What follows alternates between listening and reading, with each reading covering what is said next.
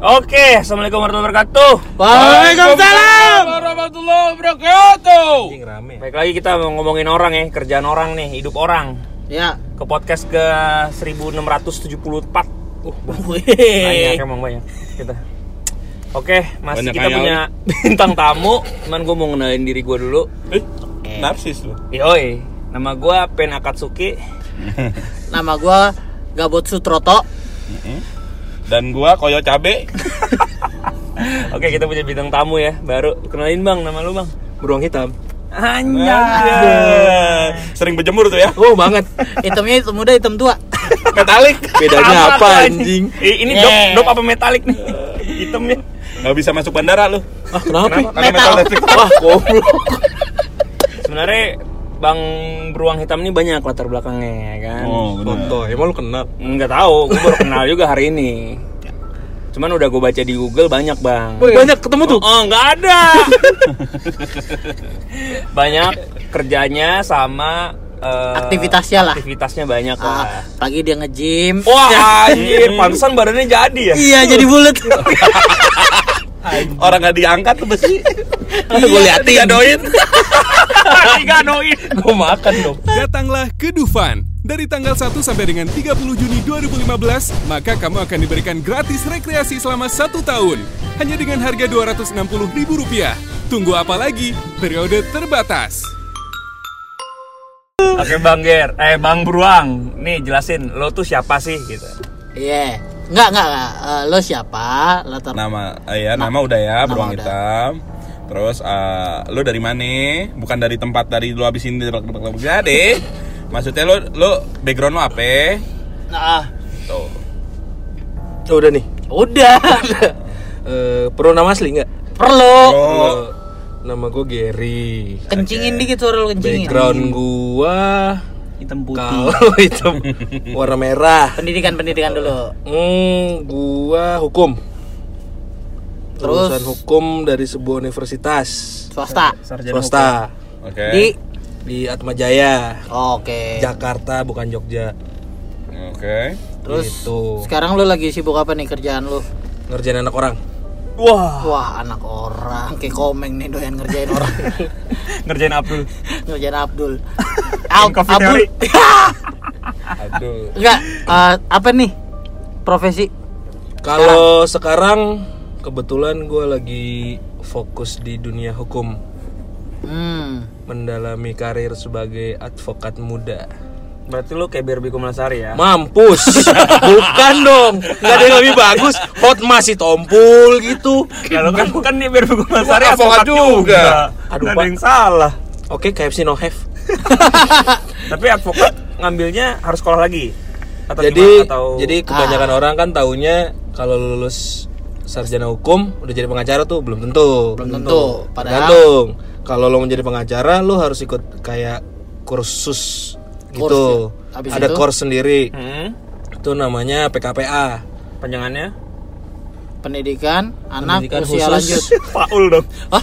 Pendidikan Beda ya? advokat. Oke. Ya, intinya itu ya. Berapa tahun? Nah, eh, itu ada dua, bisa lo yang tiga bulan atau enam bulan. Oh, Hmm, gitu. langsung gelar lo ADV. Belum. Oke, terus. Habis lo ambil itu, nanti lo bakal ujian, ujian advokat. Hmm. Nah setelah ujian advokat itu tergantung hoki lo tuh, bukan hasil lo pinter apa enggak. Hmm. Hmm. Kadang lo pinter juga, kalau hoki lo jelek ya lo nggak lulus.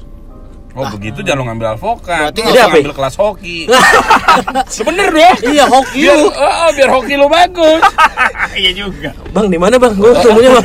Maaf bang. Ngapain lu muter-muter biar sekolah lo? Kalau Nah, bisa mah. kalau misalkan lu nggak ngambil eh sekolah alpukat tadi, Advokat, Advokat. Ah? Advokat. ya apokat tadi, Ah, lu cuman sarjana hukum. hmm. Lu kira-kira bakal jadi apa tuh? Kebetulan kalau passion gue kemarin gue udah di rescue ya. Bukan, bukan, bukan, Bukan, kalau lu nggak ngambil Orang- kelas Ah, ah. advokat, kalau lu ngambil sarjana hukum aja. misalkan ada ada anak yang kuliah hukum tapi dia nggak ngambil Oh maksudnya Ah, nggak mau ah. jadi advokat. Hmm. bukan nggak mau jadi advokat dia hanya modalkan sarjana, sarjana hukum, hukum itu. dia bisa jadi apa Kerjanya di mana? Eh, kerja lu di legal, di perusahaan di legal bisa. Oh, itu bisa langsung? HRD bisa, bisa. Hmm. Itu bisa di perusahaan bisa. oke Sebenarnya sih enaknya lulusan hukum ya lu bisa di mana aja tergantung skill lu sih. Yang penting lu punya skill. Karena teman gue banyak sarjana hukum dia bisa di bisa di humas, Hmm. bisa di marketing juga. Ya tergantung sih makanya. Adik gua di Perbanas manajemen perbankan Jadi pemain basket. dihukum sama bapak gua. Ya, Iya, itu karena salah. itu nggak ngerjain PR. oh gitu. Tapi kalau passion lu, eh, lu tapi udah ngambil advo- advokat nih. Udah, gua sekarang tinggal nunggu sumpah. Oh, belum disumpahin berarti. Ah, jangan disumpahin dong. Ya disumpah. Emang In. prosesnya berapa lama? Eh kalau sumpah advokat itu kan biasanya kalau di kota besar itu sat- setahun bisa dua kali, tapi kalau di daerah setahun cuma sekali. Oke, lu masuknya daerah apa yang Gua masuk akhirnya ngambil di Jakarta. Oke. Nah, kalau Jakarta itu biasanya dua kali karena memang kotanya banyak banget bisa ribuan yang pengen disumpah. Oke. Sama gua aja sini. Ah, Gua sumpah, sumpah. apaan? Gua Sumpah saya pocong lu, sumpah serapah. Heeh. Oh, Mumpung gua orang Padang nih. Ah, kenapa itu? Gua sumpah jadi batu. Wah, Wah. Berarti lu tinggal nunggu lu di Sumpah. sumpah, Sumpah. doang. Ya. Baru habis itu lo bisa ikut eh, Jadi ba- sidang. baru gue bisa ikut sidangnya bisa, cuma gue nggak bisa aktif, hanya oh, pasif.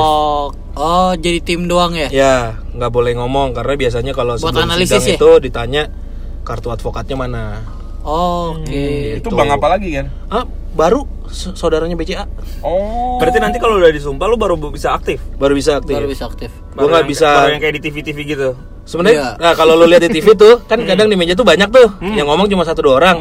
Nah itu kemungkinan Yang lain belum yang lain belum ada kartu Oh. advokatnya, Oh. atau memang dia bukan bukan eh, ketua timnya, Nah, kalau untuk jadi eh, PPAT notaris. notaris Sebenarnya sama, Eh, sama juga. prosesnya sama, cuma ya namanya beda lah ya. Gua nggak Beda jalur ya. mendalami lah, tapi intinya sama. Dia lulus itu, Mm-mm. dia harus ambil kursnya lagi, Disumpah setelah lagi. kursnya lagi, dia ujian lagi, Mm-mm. baru dia Sumpah. dilantik-lantik lagi lah gitu. Oh, Di dilantik. notariatan ya. Mm-mm, cuma gua nggak tahu sih kalau karena gua nggak suka perdata ya.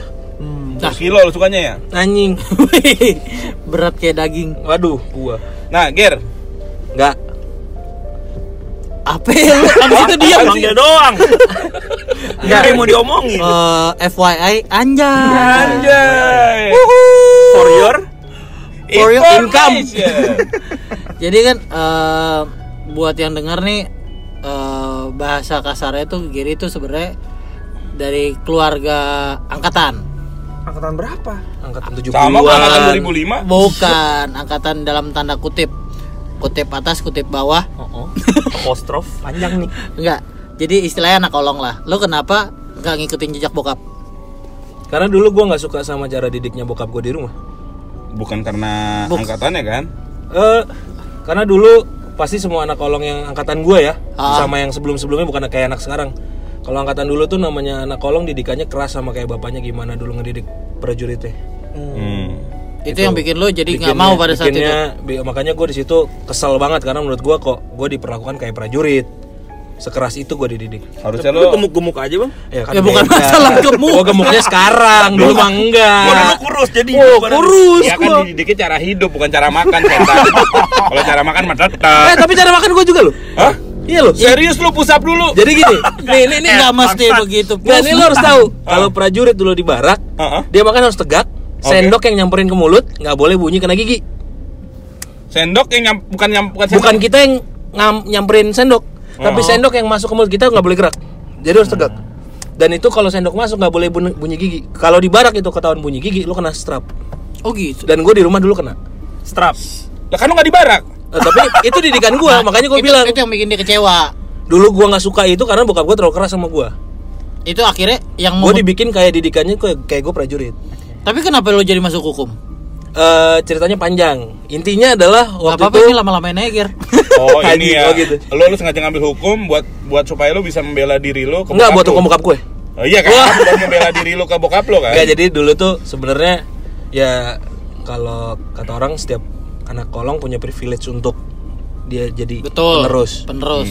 Pada saat itu memang gue udah ditawarin zaman sekolah waktu kelas 1 SMA. Pegawai bang. Lo mau jadi Ngenawarin kredit aja. nah, jadi gua eh, ditawarin kalau lo mau Kencingin lo, dikit suara lo, lo nanti naik kelas lu ambil jurusan IPA nanti gue masukin ke Taruna Nusantara Tarnus. Tarnus untuk ikutin Akmil. Nah karena pada saat itu gua namanya anak sekolah ya baru-baru cari jati diri, gue emosi, gue pengen nongkrong, gue mau diatur kayak gini, gua ngebangkang. Hmm. Gue jelekin nilai fisika kaki mulu dong lo. Anjing, Ngangkang. bukan, ngangkang. Oke, terus. Itu lu jelekin emang lu nggak ngerti apa emang? Enggak, kalau gue emang karena gue nggak suka fisika dan gue tahu kalau sorry tapi kimia gue bagus men. Oh iya. Oh, Matematika iya. gue bagus. Jagung racik bom dong lo. Oh, oh, bisa mau nih gue bom nih sekarang. Aduh maaf ya pak, BNPT. Kena lagi nih gitu. nah jadi pada gitu gue jelekin fisika gue dan gue minta sama guru gue gue mau di IPS bokap gue kaget waktu gue tahu pas diterima Astagfirullah. itu gue ribut. Hah? gue ribut sama bokap gue Teriak-teriakan lu? iya Serius? iya gue teriak-teriakan. Lo mau jadi apa? Dia bilang gue bilang enggak gue mau kuliah. Gue bilang gitu. Nah udah abis itu ya cukup lama lah. Abis itu nyokap gue yang nengahin. Akhirnya ya udah bokap gue berusaha terima. Terus lo mau jadi apa? Nah gue bilang lah pada saat itu karena gue hobinya desain desain grafis Hmm. dan gue suka foto gue bilang gue mau di binus Bokap gue nggak mau Binus Sarana Informatika. ah itulah. Ulang-ulang anjing. Binus sarana informatika. gitu jadi pas itu bokap gua nggak mau juga dia masih pakai dasar waktu itu gua di apa namanya psikotes ya apa sih kalau tes IQ Psikopat. gitu-gitu Iya, iya sih kata sih nah itu hasilnya katanya salah satunya adalah Minat cocok dan bakat lo di mana? nah dihukum salah satunya dihukum sama apa gua lupa Pantesan dimarahin mulu. dan. Kebanyakan Dihukum ya, anjing. makanya cocoknya dihukum. jadi bokap gua bilang ngapain lu kayak gitu akhirnya ya gua kesel udah gua mau gua nggak dapet gua harus ngikutin hasil itu Tes. Ah. akhirnya gua ngom- ngobrol sama bokap eh, nyokap ya udahlah gua ambil hukum tapi gue yang pilih universitasnya Hmm, akhirnya lo pilih Bargainingnya Atmajaya. gitu. ya karena tadinya dia tetap mau gua ya di negeri yang oke oke segala macam gue bilang nggak gua mau pilihan gua akhirnya gue cari yang UI. yang pada saat itu gue masih mikir gue kan mau anak Jakarta gue pengennya di Jakarta gue biar gampang gaul segala macem Iya. Iya. ya gue ambil di Atma Jaya Biar Nggak nyoba negeri tapi lo? hmm? Nggak nyoba negeri? nyoba cuma ya gue jelek jelekin hasilnya Oh. Karena emang gua- lo nggak mau negeri? emang nggak mau karena gue tahu kalau gue ikutin lagi Ntar di setir lagi. ntar gue pasti akan diatur lagi gitu Sekarang berarti menurut lu lu nyesel nggak? eh nyesel sih enggak cuma apa ya namanya cuma dua setengah kalau nggak salah. Enggak, gue gak nyesel apa ya Nyesel sih enggak, cuma kayak Raya. Itulah, gimana sih perasaan kayak lo gak nyesel tapi, Tapi- Harusnya gue nyoba gitu Ngetes dulu ya. Ngetes dulu Gitu Tapi pilihan lu berat juga sih pak. Maksud gue eh, jarang ada yang anak kolong yang nggak memanfaatkan privilege itu sih. Jadi gue punya teman beberapa memang anak kolong. hmm. Cuman Kalah mulu main biliar ya? Anjing Iya, ngolong, anjing ngolong Itu anak ngolong. tuh anak ngolong katanya. Enggak, Ini ada sensornya gak sih? Enggak ya, enggak deh enggak. Ini Explicit lirik. bukan bukan bukan. Ini kan Swift lama ya. Jadi emang belum ada sensor. Oh bukan, pak, bukan sensor mobil, pak. Tolong. Nggak, jadi maksud gue adalah eh, banyak banyak mereka yang oh ya udahlah gue udah ngeliat bokap gue gitu karirnya segala macem Hmm. ya udah nih anak sebenarnya nggak pa- dasarnya nggak mau ribet sih maksudnya ya udahlah gue udah tahu arahnya ke mana nggak bukannya ngegampangin ya cuman maksudnya adalah Mau jadi apa? mau jadi apa udah tahu kayak udah kebayang di depan muka karena Oh. orang tuanya begitu gitu Linknya udah jelas. nah ah. Udah tahu gimana gimana Tapi bang Kupi nanya, historinya kenapa disebut anak kolong tuh kenapa ya bang? Oh jadi Iya. jadi ini Keren pertanyaan lu din Bagus Gua juga. demen yang begini-gini din nama lu yang begini Harus dimarahin mulu lu sama bokap lu Eh anjing sensor dong bang. Jadi jadi jadi kalau Dinda ini ya, kita ngerekam ini tuh dia habis di rumah tuh habis diteriakin sama bapaknya. Oh pas yang gue telepon itu ya Bacot, udah anjing, bukan bahas gua. maling maling Udah anjing, maling apa? Anjir. Eh, kenapa anak kolong Ger? Jadi eh, ini tuh sebutan ini, Ini fakta atau gimana? Fakta. Fakta ya. kalau gua nggak salah lihat ini dimulai zamannya Soeharto. Oke. Zamannya Pak Soeharto itu yang namanya anak polisi, tentara anak ABRI itu ditakutin. Hmm. Di mana pun dia istilahnya, kalaupun ditilang atau apa pun dia tetap lolos, Hmm, punya power. punya power karena dia selalu ngomong, gue bokapnya ini, bokap gue ini. Hmm. Jadi dianggap adalah lo selalu sembunyi di balik Kolong bapak lo. kolong bapak lo. Oh, gitu. Jadi akhirnya bilang gitu karena eh, pada saat itu memang anak kolong juga terkenal. Emang bandelnya minta ampun tapi nggak bisa dihukum. Nggak bisa disentuh ya. Nggak bisa disentuh. Lu doyan berantem apa? Wah dia anak tentara min ya udahlah gitu. Tapi kok dia bisa ya? Dia bandel tapi minta ampun. bandelnya minta ampun jadi dia ampun ampun tapi sambil mukulin nggak gitu maksudnya Bandel- Gimana? bandelnya tuh nggak ketulungan Oh, gitu. lu bandel-bandel minta tolong gimana sih? iya nggak ketulung agungan Jawa Timur. Tapi kalau gue pikir-pikir Ger ya, nggak usah mikir nungguin, nungguin, nungguin, nungguin. Nggak, nggak, maksud gue gini, gue pikir-pikir bapak lo itu eh keren juga. Maksudnya penampilannya. Apa? Apa sih bang? Pometnya, pometnya, kalau pakai pomet keren. dulu blau pak eh blau Kondong biru dong Enggak, maksud gue gini, bapak lo awalnya mengarahkan anaknya, lo anak keberapa? pertama Da- dari dua ya, Ya. satunya cewek kan? ya Ya, mau nggak mau dia menaruh harapan di lu supaya bisa jadi tentara juga. ya Hmm, nerusin Tapi karir. ternyata anak dia Babelo sadar bahwa anak cowoknya ini adalah anak kolong. bukan Maksudnya bisa ngeles ke mana aja, punya power, punya power. Dia akhirnya sadar uh, anaknya akhirnya uh, memilih atau lebih nyaman ngambil IPS. Terus akhirnya tidak sesuai karena untuk masuk uh, Tarnus itu harus IPA kan. Ya ya Nah, jadi lo lo ternyata ngambil IPS, bapak lo nggak kehabisan akal di situ. Nggak kehabisan akal. Oke, lo IPS lo mau jadi apa lo segala macam gitu-gitu Ya. kan. Lo mengeluarkan offering kalau lo mau di graphic design. Mm-mm. Bapak lo kasih offering balik tuh. Ya. Keren nih bapak lo keren jujur aja gue bilang keren. Nggak kehabisan akal. Gimana keakuan bapak lo nih berasa di gua. ya kan? O- Oke, dia nggak percaya dengan pilihan lu ya ya kan? Dia ngajuin pihak ketiga, yaitu psikopat, opsi tiga ah ya. Siater. psikopat. tolong din Ya, si psikotes ya. Psikotes. Psikotes. Dari situ dia lebih percaya itu daripada anaknya. ya Ya kan? Ya. Sampai akhirnya yang diikuti sama bapak lo ke situ, hukum. Mm-mm. Dasar anak kolong ngajuin lagi. lo jangan pernah nunjuk kampus gua di mana, gua yang pilih sendiri gitu Karena kan. bapaknya flyover ya. Ya. Ah, iya, Iya. dia kolong. Ya, itu terus sampai sekarang perilaku bapak lo yang seperti itu masih berlanjut Ger? enggak udah Jadi- enggak Jadi eh, itu yang gue bilang ternyata seiring waktu gue mulai kuliah nih, gue ngerti didikan bokap gue yang sekeras itu Mm-mm. untuk apa tujuannya. untuk untuk gue tuh ternyata penting. Oh. Makanya gue bilang, oh iya bener juga gitu.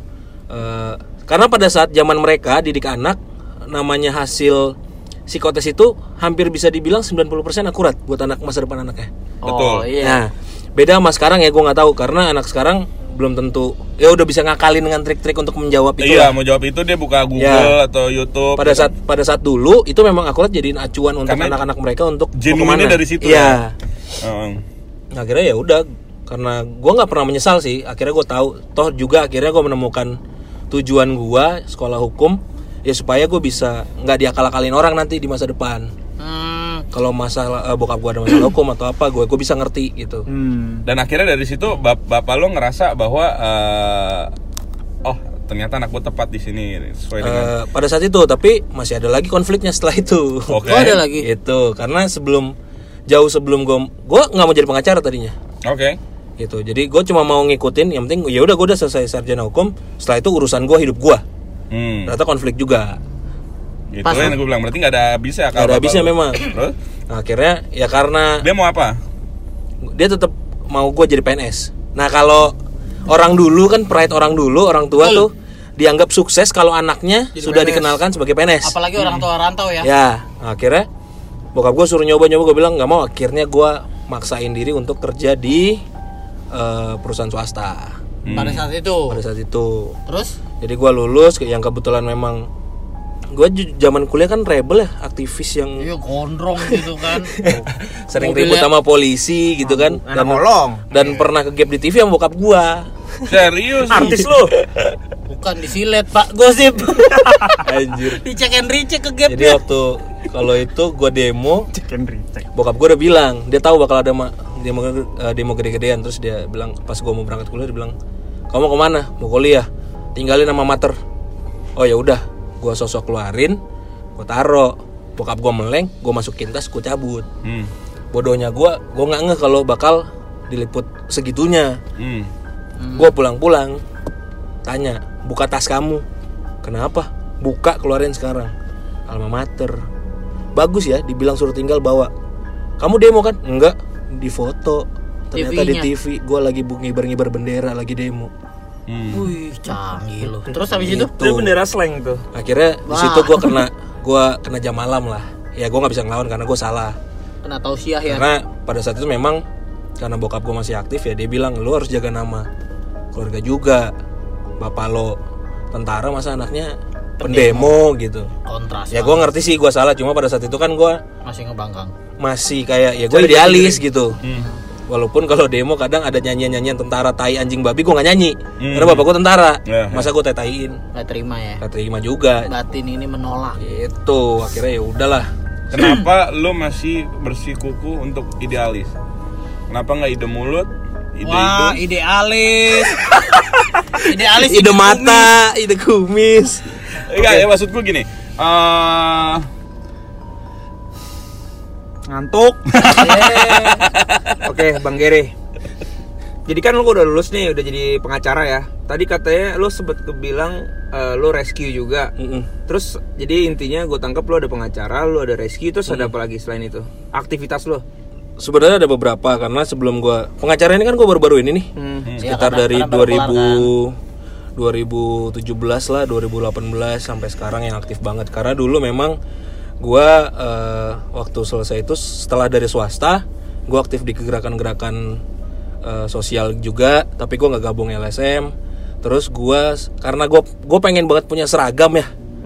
Walaupun gua susah untuk eh, apa jadi PNS atau diangkat ini gue cari akal gimana caranya gua di instansi pemerintah tapi gue punya seragam yang nggak harus ribet Lu Sunan Giri beli seragam. ah sunan giri anjing Boro. Gak proyek Senen. Lu kenapa nggak ke rumah gua? Gua Ngapain? lagi nyari kiper futsal. Lu seragam lu. dapat seragam ya bener juga Seragam anjing. kiper lu Kasih sama gua. nanti nanti gue main anjing akhirnya gue dapat channel karena gue tidak pernah mau menggunakan embel-embeling dari bokap gue dan segala macam Mm-mm. gue waktu itu daftar BNPT Hmm. Badan Badan Nasional Nasional Penanggulangan Teroris terbatas. Ah, Nah, ada- teroris. Ben. Teroris. Oke. Nah cuma karena pada saat itu juga bokap gua tahu, Ah. terus dia bilang papa kenal sama ininya, Apa aja tahu bokap gue. terus gue bilang dia mau dibantu gue bilang nggak usah biarin aja sesuai tes. Akhirnya gue meleng-melengin ujiannya, Ak- eh, selesai pengumuman gak lulus, terus gue nyoba jaksa juga sendiri. Waktu itu jaksa juga karena over satu kilo, gue nggak bisa, gue mau dibantu juga gue nggak mau, gue kekeh karena Menyesal lo. Nggak, gue nggak nyesel karena gue tetap pada ajaran bokap gue, Nah. nggak menggunakan link. Kekuasaan. Oke. karena buat gue itu cara curang bokap gue bilang walaupun dia pengen juga gue pakai cara itu biar jadi Hmm. cuma Ya, gue istilahnya nggak mau mempersulit lu lah ya, ya. akhirnya gue balikin juga cara yang diajarin ke gue Hmm. gitu akhirnya gue puji tuhannya masuk di basarnas Oh. itu nah di basarnas itu sialnya gue pas eh, moratorium belum ada pengangkatan dari honorer untuk jadi PNS Berapa lama lo di Basarnas? lumayan dari tahun berapa ya 2000 berapa tuh waktu itu 2014 Pusat, di pusat, Ger. pusat Basarnas yang di Kemayoran. Nah, Cuma pada saat itu gue masih ya namanya cuma Coro sekedar ya? sayap-sayapnya aja. Jadi dikirim. Ya dapur-dapur umum kalau bencana gitu-gitu. Penting dong bang kalau sayap nggak ada sayap kan nggak bisa terbang. Asik. Ih. Jadi waktu Lo- lo Makasih emang- Din lu mengangkat harkat gue. Lo emang harus dimarahin mulu bapak lu. Biar encer otak lu. Gitu. Tapi lu di Basarnas, maksud gua lu sebagai apa? Karena kan lu latar belakangnya sarjana hukum apa kalau sebagai dia buat nahan bencana, Pak. Pak, nahan gunung ya? iya. Waktu itu lu sempat di Gunung Sinabung ya? Iya. Tanggal kaya. Ah, Nabung bukan. Iya. Iya bang, sebagai apa di Basarnas? Kenapa bisa lu awalnya Basarnas narik awal lu? awal bukan bukan narik awalnya ya istilahnya lu over kayak lu cari link Mm-hmm. yang lu kenal di dalam kira-kira gue bisa apply gimana Mm-hmm. Akhirnya ada adalah seorang bapak yang baik hati Mm-hmm. kenal juga terus dia bilang ya udah awalnya dari relawan Hmm. dari relawan karena gue aktif dan waktu itu juga tra- apa namanya kayak pelatihan pelatihan gue cukup bagus gue ditarik jadi supporting system di situ Hmm. terus gue jadi honorer lah nah habis itu mulai tuh gue pelan pelan karir dari yang namanya kayak dapur umum terus mulai lo jadi istilahnya kepala apa namanya Ular. ah kepala Wah, ular kepala ular. anjing yang ngurusin eh, base camp terus ngasih pelatihan pelatihan sampai akhirnya gue bisa diterjunin ke daerah-daerah Tapi berarti background SH lu nggak guna dong masuk ba- Basarnas?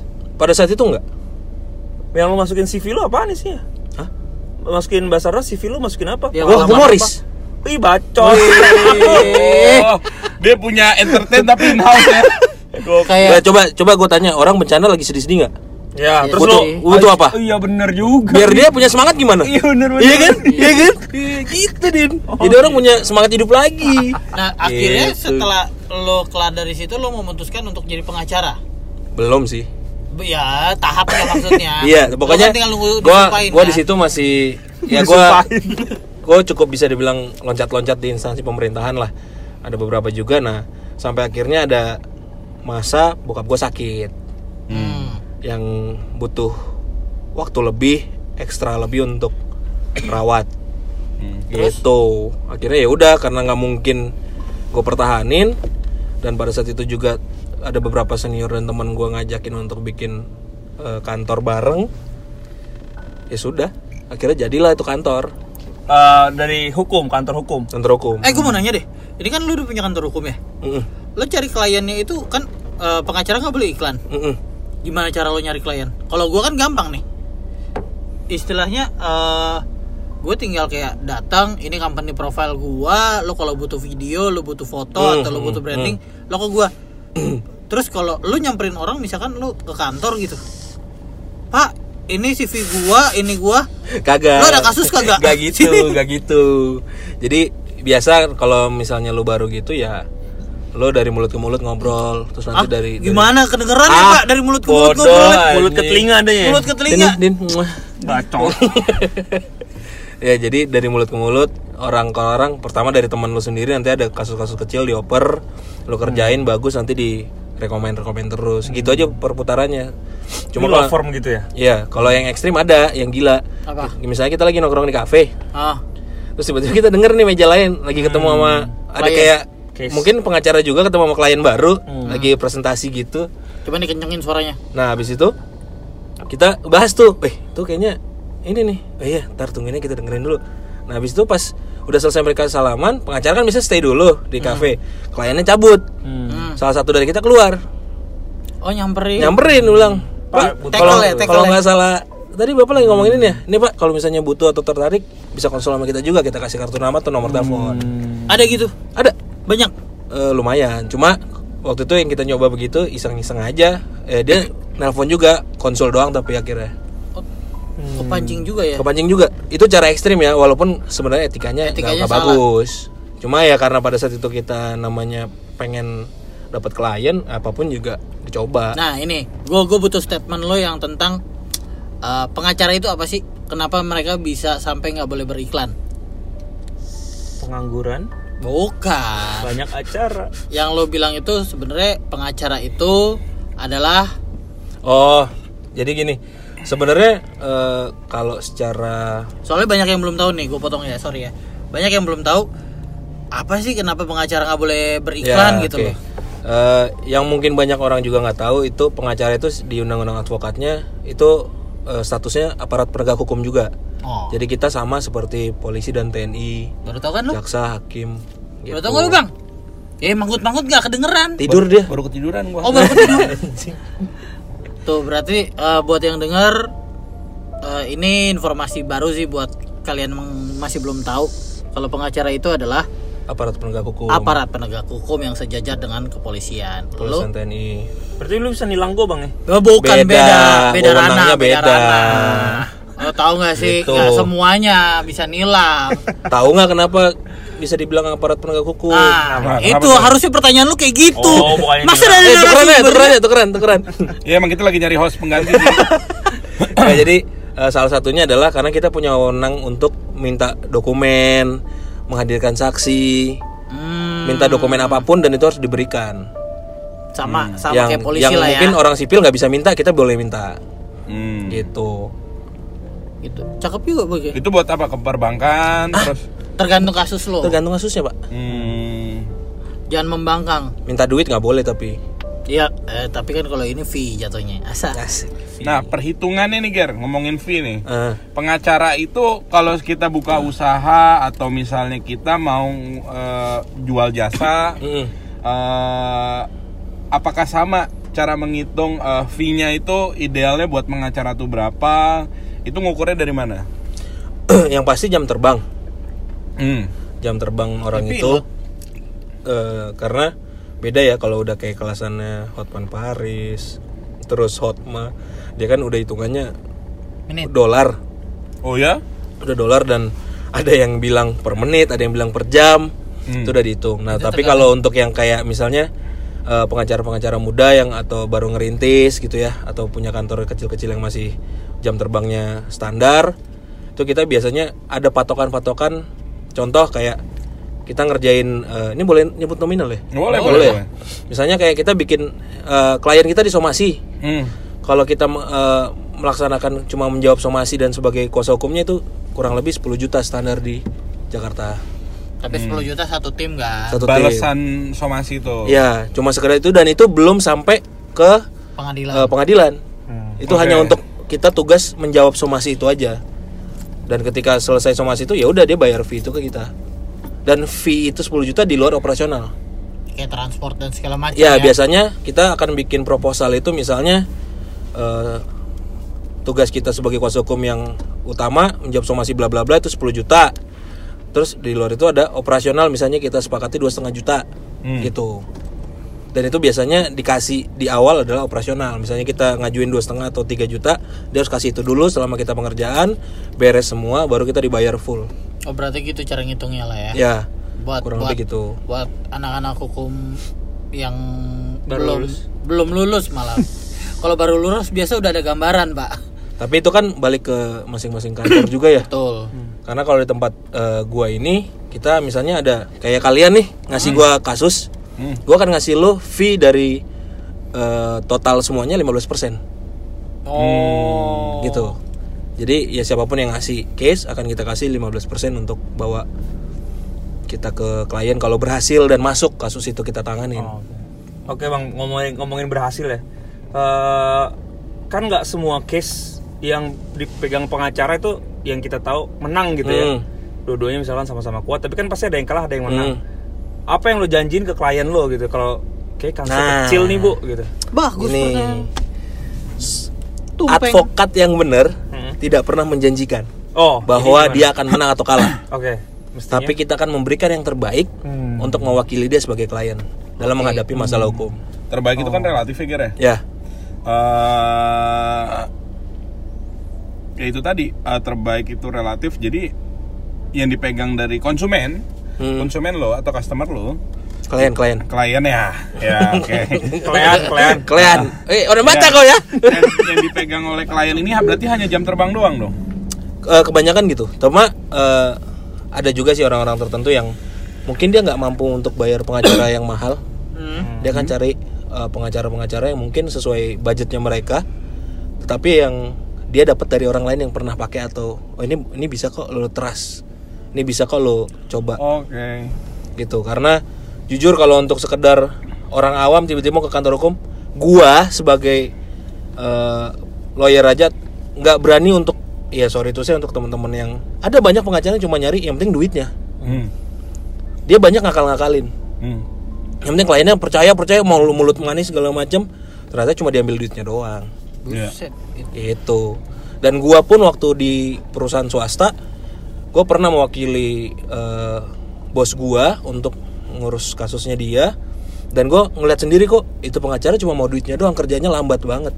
Dan gue bisa bandingin yang dulu gua ngeliat dia kerja sama sekarang yang gue kerjain. Menurut gua mendingan tuh duit ke gua, kasusnya selesai cepet. Sekarang gue punya pertanyaan. Eh ada ada punya pertanyaan lain nggak? ada lagi ada lagi lagi Oh, ada lagi. Nah, jadi aja dulu. Terus Oh, ya. kalau gua jadi eh, sebagai eh, calon klien ya untuk memakai jasa pengacara gua harus ngeliat dari mana ger mana ini pengacara bagus mana ini penyara- penca- pengacara yang kurang bagus mau duitnya doang Hmm. itu karena lo ada pengacara tips ya triknya nggak? iya karena eh, kalau dari jam terbang kesampingkan dulu jam terbang Ya. Kita cuma tahu apa yang di TV. Misalkan kita cuma tahu kalau jam terbang ya Hotman gitu. iya dan, Cuma- dan, dan dan dia bener bagus apa enggaknya, bener-bener kerja apa enggaknya Hmm. seperti tadi lo bilang, Ah. itu dari mana? Oke. Ini nih ini gue bicara istilahnya eh, cara yang gue pakai ya. Iya. untuk orang bisa trust sama gue. Oke. Oke. Misalnya ada gue ketemu orang, eh, Ger ini ada orang butuh Ada kaskus nih. ada kasus nih orang ada orang kasus Kasak kasus kusuk ya? anjing. Terus akhirnya, eh udah boleh. Cuma dia mau konsul dulu, nggak masalah. Buat gua pertemuan pertama dengan calon klien itu paling penting. Hmm. Gua akan bikin dia kalau di tempat gua kita mengutamakan bonding. Hmm. Lurus gitu. Yang- yang- rambut anjing. Sama lagi. Ika bangke. Mulutnya susah banget ditarik. Ya jadi Kita ya. pertemuan first impression sih. Oke. First impression. Pertemuan pertama begitu Berarti menggoda. ini bang ya penampilan. Nah balik ke fashion nih ya. Anjay. Ah, beda dong. Kok kayaknya gua Podcast kayak kemarin deh. Dua episode yang lalu. Anjay. Itu jadi pertama eh, first impression pasti dan komunikasi pola komunikasi. Dan selalu berhasil menurut gua ketika ketemu klien kita bisa menempatkan klien nyaman seperti teman. Oke. Hmm. yang pasti dia datang karena orang yang kita kenal kan? Nah, orang yang kita kenal Referensi itu referensi. ya. Otomatis itu udah jadi poin pertama untuk mereka menilai oh, oke teman gue rekomendasiin dia. Gue coba konsul deh. Nah waktu konsul itu di situlah saatnya kita eh, sebagai kayak pengacara calon kuasa hukum ngejual meyakinkan dengan kata-kata. Karena banyak orang ketemu pengacara gitu ah ini cuma manis-manis doang nih yang penting gue jadi kliennya nih. Nah kalau di gua dan rekan-rekan gua partner gua nggak begitu kita cara mainnya. Hmm. kita ajak ketemu ngobrol biasanya akan kalau dia udah bilang oke boleh minta nomor kontaknya nggak atau kartu nama? Lanjut itu udah enak. Kenapa? Dia akan minta pertemuan kedua untuk dia meyakinkan dirinya dia akan ke kita. Hmm, pertemuan jadi dia akan janjian lagi sama kita ketemu lagi baru habis itu lo setelah itu dia akan keluar kata-kata ya udah boleh kirimin gua proposalnya dok nanti gue pelajarin Proposal itu berarti termasuk angka-angkanya di dalam. Iya, Iyalah. itu kita kan Budgeting kita ya. kirim. Oh. Siapa yang akan mewakili dia, biayanya apa saja, apa kita Oke. bertindak apa. Pertanyaan gue kan tadi eh, dari eh, masyarakat umum, ya udah berurusan dengan hukum rata-rata orang udah pada males ya, udah pada males dengan urusan hukum karena duit mulu yang keluar ya Ger ya. Ya. Eh, dari situ makanya tadi gue bilang kalau misalnya dan masyarakat ini pasti punya banyak eh, eh, Dingin juga ya. segmentasi Ruangan ini. Eh, punya banyak segmentasi keren lo makasih lo Ger punya banyak segmentasi tentang pengacara itu seperti apa Iya. tadi kan pertanyaannya adalah kenapa ap- parameternya apa yang benar-benar eh, bisa dilihat dari calon klien ini pengacara atau grup pengacara atau eh, ya itu yang mau kerja gue Hmm. siap ngeluarin duit cuman lu jangan mau duit gue doang tapi kita sama-sama kerja di sini Hmm. Nah, ngelihatnya dari mana pertanyaan gue tadi itu sebenarnya? Itu dia. Momen itu akan terlihat ketika kita eh, Lagi dia ngobrol. dia konsultasi sama kita. Ada banyak klien yang suka ngetes. oh Dia suka cari tahu ini knowledge-nya luas apa enggak sebagai pengacara. Karena pada saat itu gue pernah ketemu klien eh, ini contohnya kalau teman gue dengerin pramugari Garuda suaminya kebetulan orang Prancis oh. Kita diajak meeting. Nah yang kasus ini kita urusin kan pidana. Tiba-tiba si suaminya ini si lakinya ini bilang nanya hal di luar pidana. Oke. BKPM modal pengurusan izin perusahaan asing. Puji Tuhannya kita bisa jawab. Ya. dan akhirnya dia bilang wah oke oh kamu pernah ngerjain oh kita pernah kok beberapa kali walaupun nggak sering gitu kan. Akhirnya eh, di situ langsung ketok palu.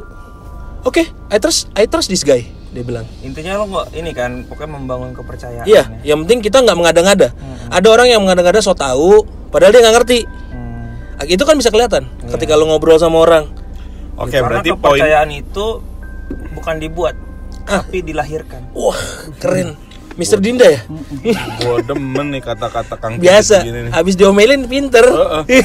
Berarti poinnya adalah untuk eh, calon klien Mhm. atau yang membutuhkan jasa hukum, ya. Mhm. Eh, yang pertama, lu jangan sekedar nunjuk aja. betul Jangan asal lu apa lebih baik sebelum lo masuk ke case lo, lu uji dulu kompetensinya. ya Berarti lu untuk masuk menuju atau lu untuk menuju pengacara lu juga jangan kosongan. Kalau udah kalau kosongan otomatis lu pasti keberkemungkinan besar akan ketiduran.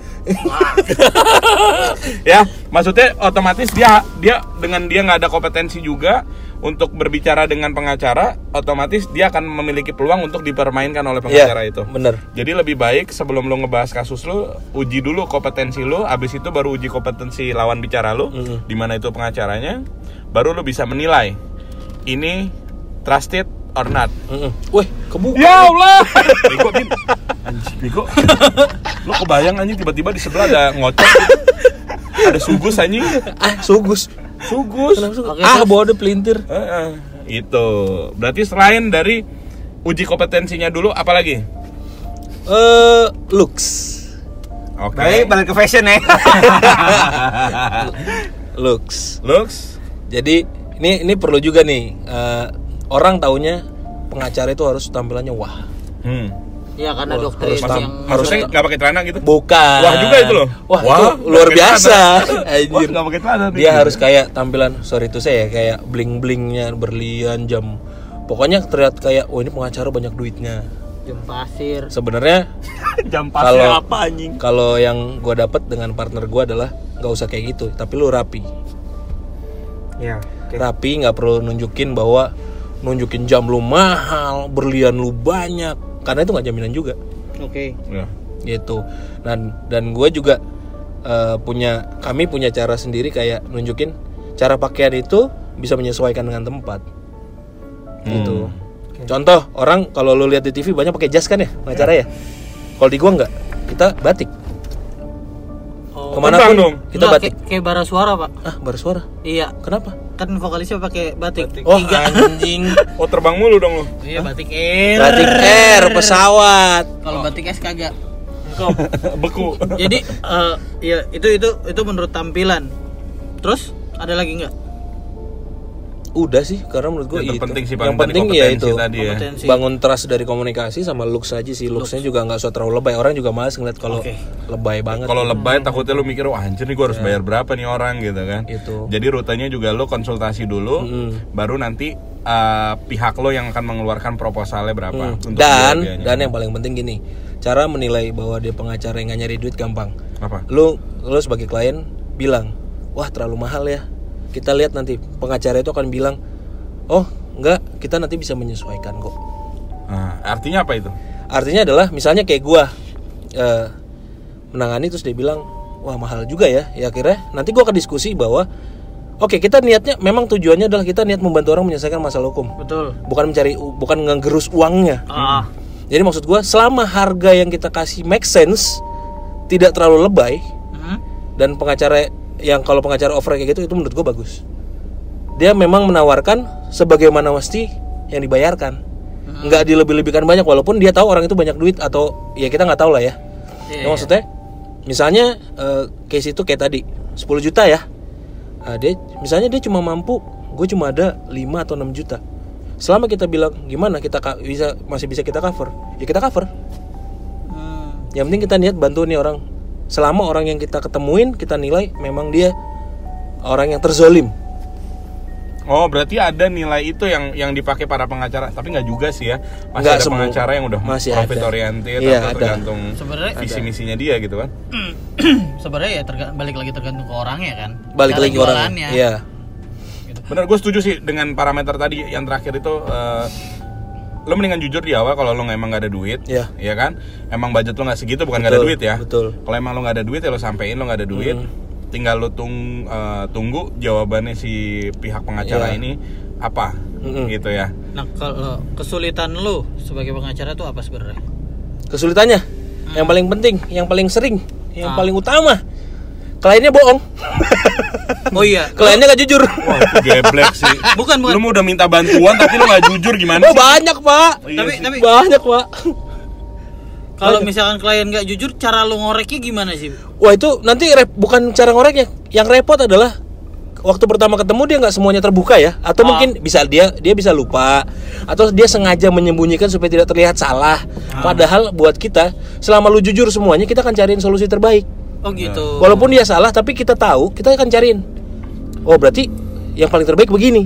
Nah masalahnya kalau ada klien yang nggak jujur atau nggak terbuka, pas kita udah berjalan, Ah. terus terbuka lah itu di situ. nggak tahu Akhirnya Satu. nge-cover. Satu, pengacaranya kuasa hukumnya malu. Ya. Yang kedua, kitanya jadi nggak ada rencana nggak persiapan bingung, maksudnya Mau kok jawab apa ya? Itulah banyak juga mungkin salah satunya pengacara banyak pengacara yang di tengah permasalahan dimundur ya. ya itu bisa jadi begitu. Hmm. Atau memang ya kadang perjanjiannya gue janjiin bayar segini, kok nggak dibayar segini. ini kesulitan kedua Iya, biasanya iya. gitu. Tapi yang paling utama itu, yang paling sering adalah banyak klien tidak terlalu terbuka, Berarti- nggak mau terbuka secara penuh. Berarti kesulitan utamanya pengacara itu bukan lawan pengacaranya dia justru ya. Bukan. Eh, kliennya dia sendiri. Kliennya dia sendiri. Kliennya dia Kuncinya tuh di klien karena gini, em, kalau klien klien lu salah, Ah, yang penting dia jujur, ah. kita nggak akan bisa janjiin dia bebas, tapi kita Oke. bisa eh, usahakan dia mendapatkan hukuman paling minim. Oh gitu. Oke. Jaminannya gitulah Iya, ya. intinya gitu. Karena buat gue gini, setiap orang salah atau benar, mereka tetap but- eh, eh, pembelaan. butuh butuh butuh keadilan. gitu kan kan kan kayak contoh nenek tua nyo- nyolong biji coklat tiga biji di penjara sekian tahun Ah, sedangkan ada di situ eh, koruptor Ah. yang nyolong duit negara miliaran triliunan eh, dia bisa jalan-jalan Hmm. gitu maksud gua nah selama kayak nenek itu akhirnya kan ada yang bela ah. akhirnya dan keputusan hakim pun ngetok bebas Oh, walaupun dia salah nyolong tapi kan ada nilai-nilai nurani nanti di persidangan lah itu intinya gitu Oh berarti yang, yang meringankan seseorang jika ini salah itu berarti poinnya apa aja Ger? Yang yang krusial ya? Maksudnya Ya misalnya gue salah nih, Heeh. gue salah, eh gue ngadu sama lo, kesalahan gue apa? Nah dari kesalahan itu eh, yang bisa memperingankan gue untuk atau ngebantu lu untuk memperingankan gue di hukum di mata hukum? banyak aspeknya sih sebenarnya itu tergantung nanti kita bermain ya itu balik lagi ke undang-undang yang kita pakai terus niatan dia seperti apa beda karena jujur kalau di eh, kantor gua ini di partneran gua ini pertama kita nggak nggak nggak ngambil narkoba Hmm. contohnya itu kenapa kalau kita bela narkoba sama aja kenapa dia udah tahu tuh narkoba tapi tetap mau pakai Hmm. dia udah tahu resikonya Itu udah salah. itu udah salah ngapain kita harus bela Hmm. contohnya gitu Hmm. Terus apa lagi? gitu apa lagi ya pembunuh Enggak sih sebenarnya intinya ketika lo datang minta bantuan artinya eh, ada dua jenis. Ada yang memang gua nggak sengaja, gua nggak berniat, Iya. ya kan? Hmm. Eh, atau memang mungkin yang bilang, ya gue tahu gue salah, gue gini, tapi gue butuh bantuan nih, gue nggak mau di penjara lama. Ya udah, tinggi itu doang. sekarang Itu pertanyaan. lo belain? Eh, tergantung kasusnya. Karena balik lagi kalau memang kayak contohnya menurut kita ini lebih banyak dari sisi kemanusiaan ya, Hmm. gue akan bela. Tapi kalau memang dia niatnya korupsi terus biarin aja gue tangkap nanti ada pengacara yang bilang gue nggak mau. Oh, berarti itu itu bakal ketebak dari sisi interviewnya nanti ya. Ya intinya dari niat lah. Intinya kayak kalau emang lu udah tahu itu eh, itu itu yang lu lakuin salah, tetap lu eh, lakuin dan lu punya bayangan ah nanti gue juga ada pengacara bisa gue bayar buat belain gue supaya nggak segini segini segini. Nah, itu gue nggak mau, gue nggak ngambil pasti. Nah, bicara nggak mau nih, Ger. Pendapat lo tentang politik Indonesia sekarang apa nih? Wah jauh. Nggak mau Wah apaan? dari situ ke politik anjing. nggak mau iya deh Iya. Ah gimana? Eh, nyambungnya jauh ya? Ah. Ya, jawab aja udah. Gimana? Eh, gimana pendapat lo tentang sistem politik? Bukan sistem politik, eh, suasana politik sekarang. Ini kan Mm-mm. udah ya dibilang adem, adem cuman isu yang beredar tuh aneh-aneh. Kayak tadi sebelum ini kan kita sempat ngebahas tentang eh, KPK Hmm, tadi RUU terus sempat ya nyerempet-nyerempet ke eh, novel Baswedan Hmm, terus nyerempet-nyerempet ke masalah eh, lingkungan tadi kan yang tentang asap dan segala macam. Itu menurut gue sih ada ada ada ada ada campur tangan politik juga menurut gua Hmm. secara pribadi gitu kan. Nah, berarti kalau menurut pandangan orang yang ngerti hukum, suasananya kayak gimana sih sekarang? Kalau Lo dari- mantau gak sih?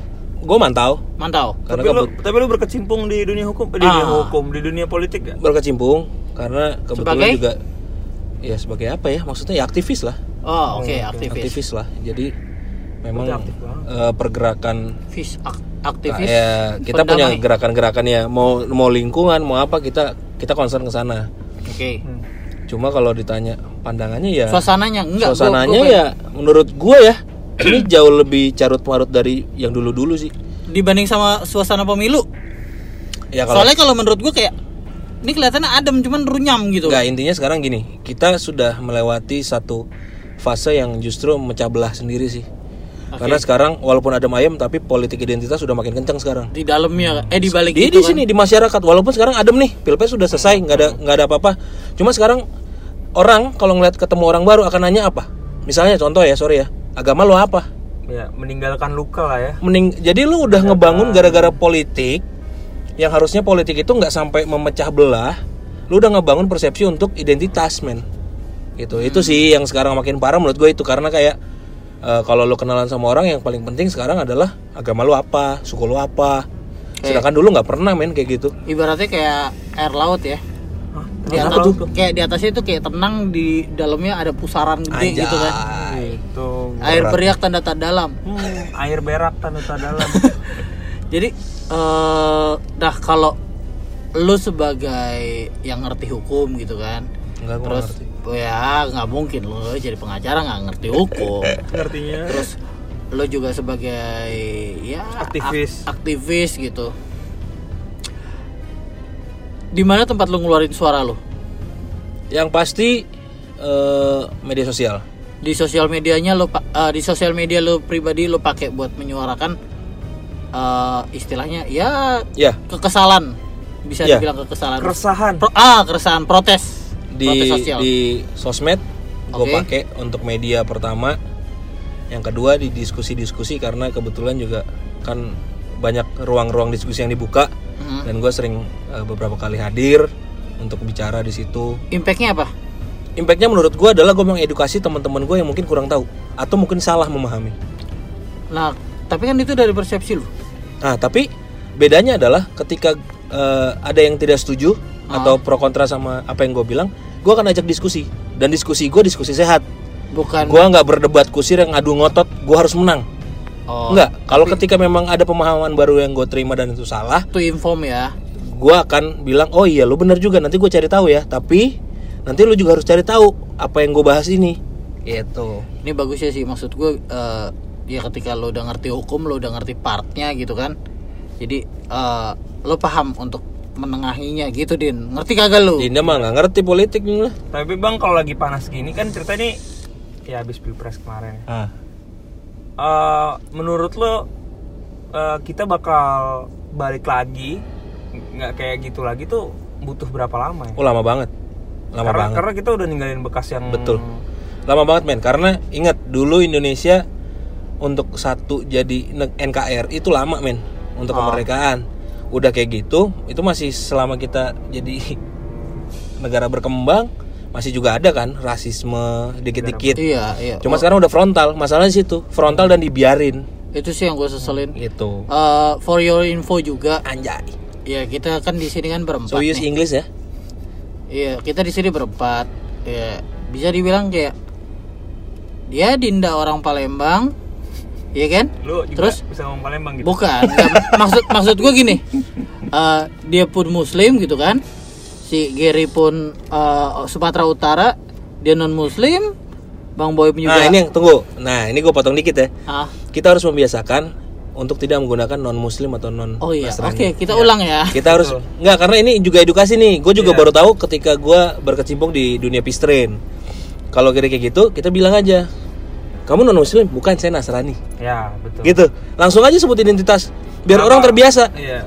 Lu muslim gue nasrani Terus ya kan Bang Boy Muslim, gua Nasrani gitu kan? atau siapa gue ateis atau gue Iya, agnostik nggak masalah tapi jangan menggunakan kata-kata Non-muslim. non muslim kenapa Karena banyak non-muslim. ya itu bilangnya gue Kristen gue Hindu Nah, Ya. tapi di sini kita masih bisa masih bisa ketawa-tawa Ya, maksudnya. itu. Kita masih bisa jadiin semua bahan bercandaan yang ceng-cengan dulu yang lu semua malah sakit hati Iya, kalau lu ceng-cengan lu laporan polisi anjing di sini mah kagak. cuman jangan dikeluarin di sini ya Ya. Nanti kita berempat ditangkap nih Jadi gitu. Nista kamu nista. Jadi maksudnya adalah eh, masih enak kok Oh, gitu tidur. Enggak, enggak. Oh. Gua, gua lagi nyari bahan nih. bahan kue. Bunga coli. Ntar gue sensor tapi setelah kata colinya. Ngapain?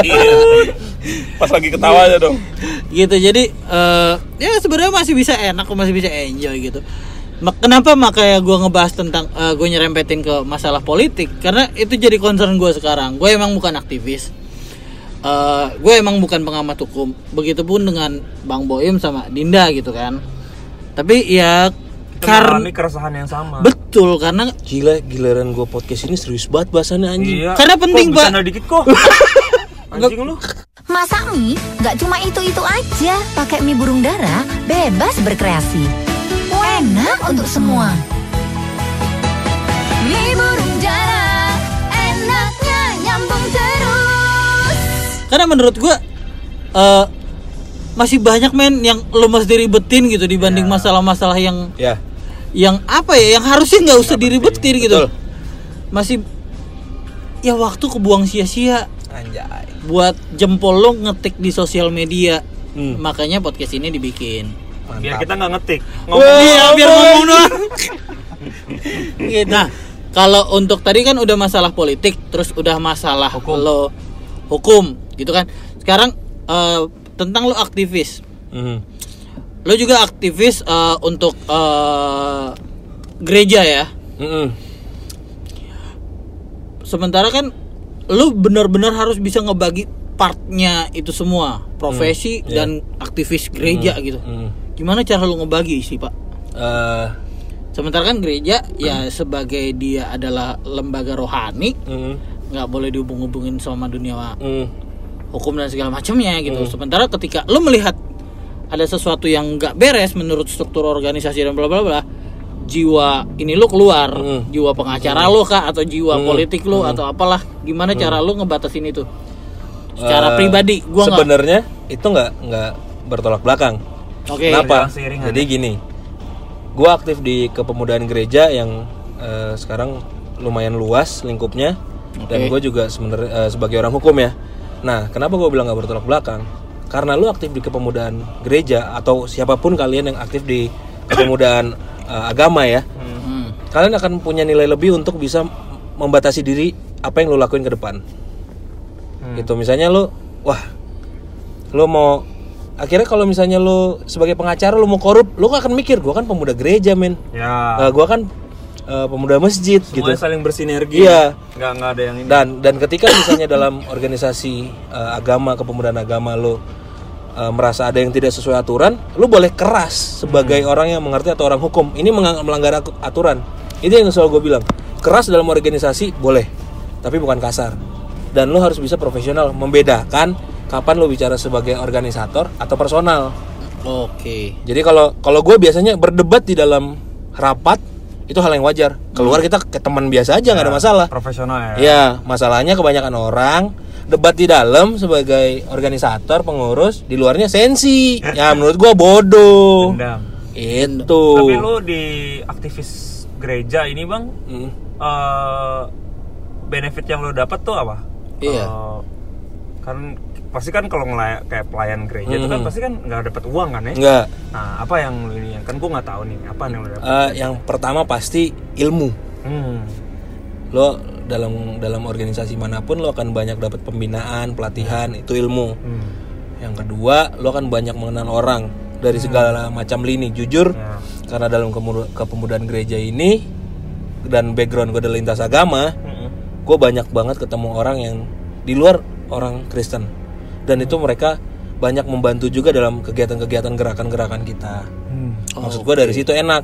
Nah plusnya lagi sebagai orang hukum ya kalau mereka butuh kuasa hukum ya kontak gue. Oh iya bener sekalian itu ya.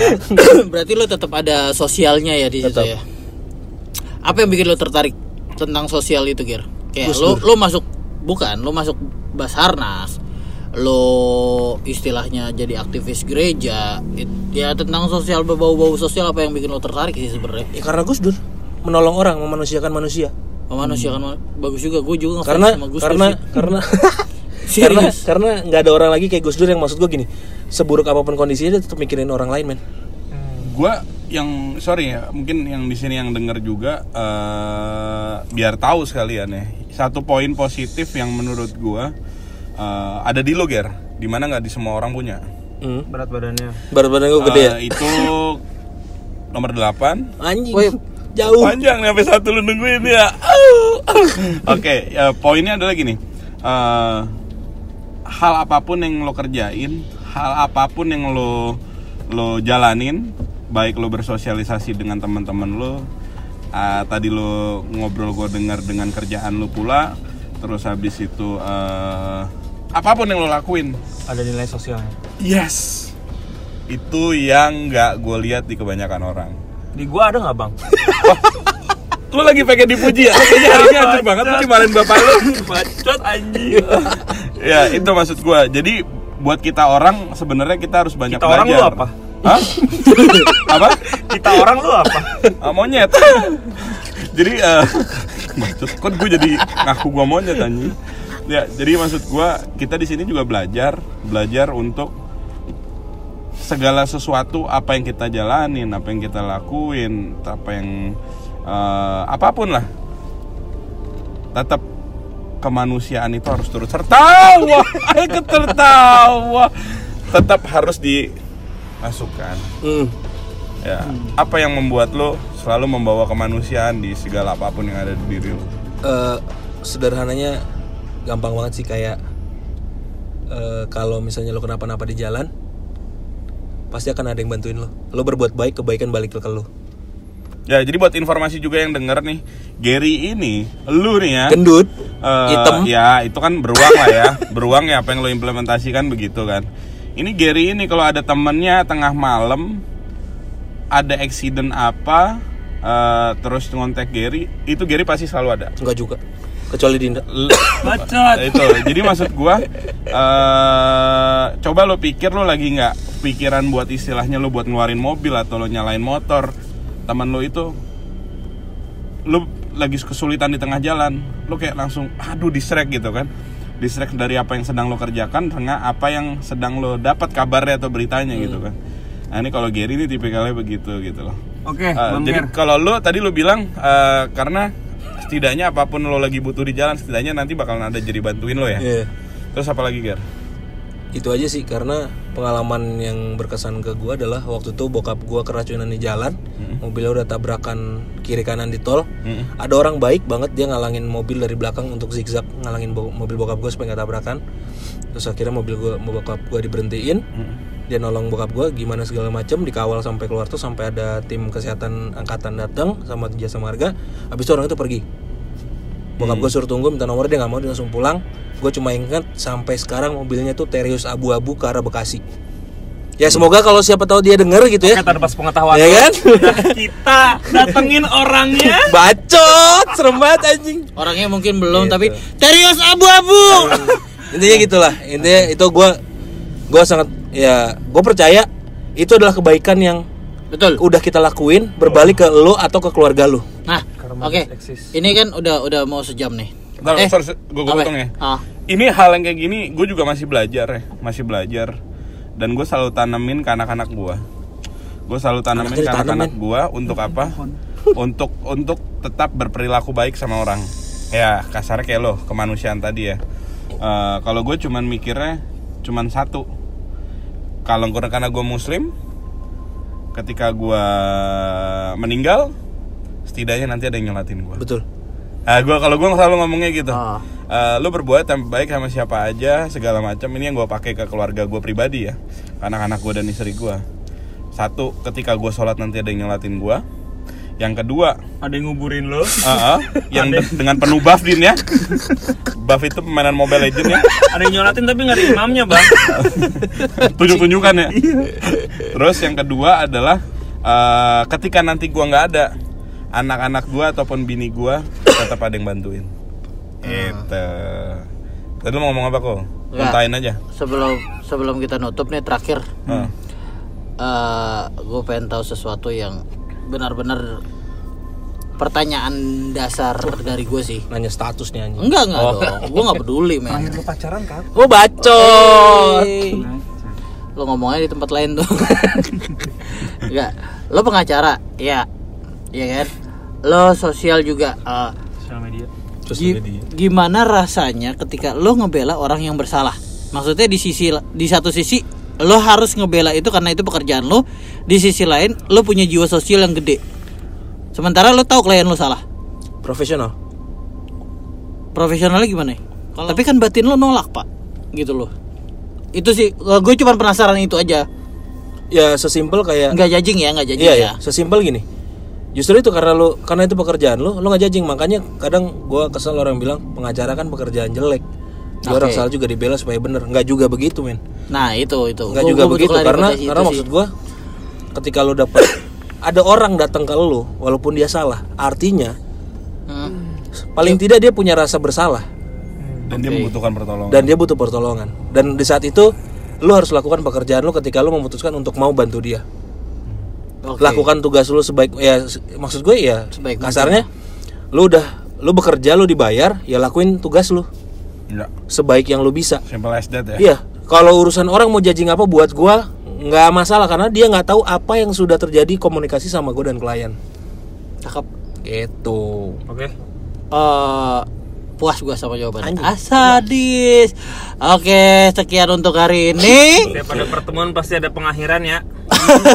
Terima kasih. jadi, Assalamualaikum. jadi terserah lo semua, lo mau ikutin Giri sebagai pengacara atau sosialis Basarnas. atau atau sosialita Kebut-kebutan. atau so Sosokan.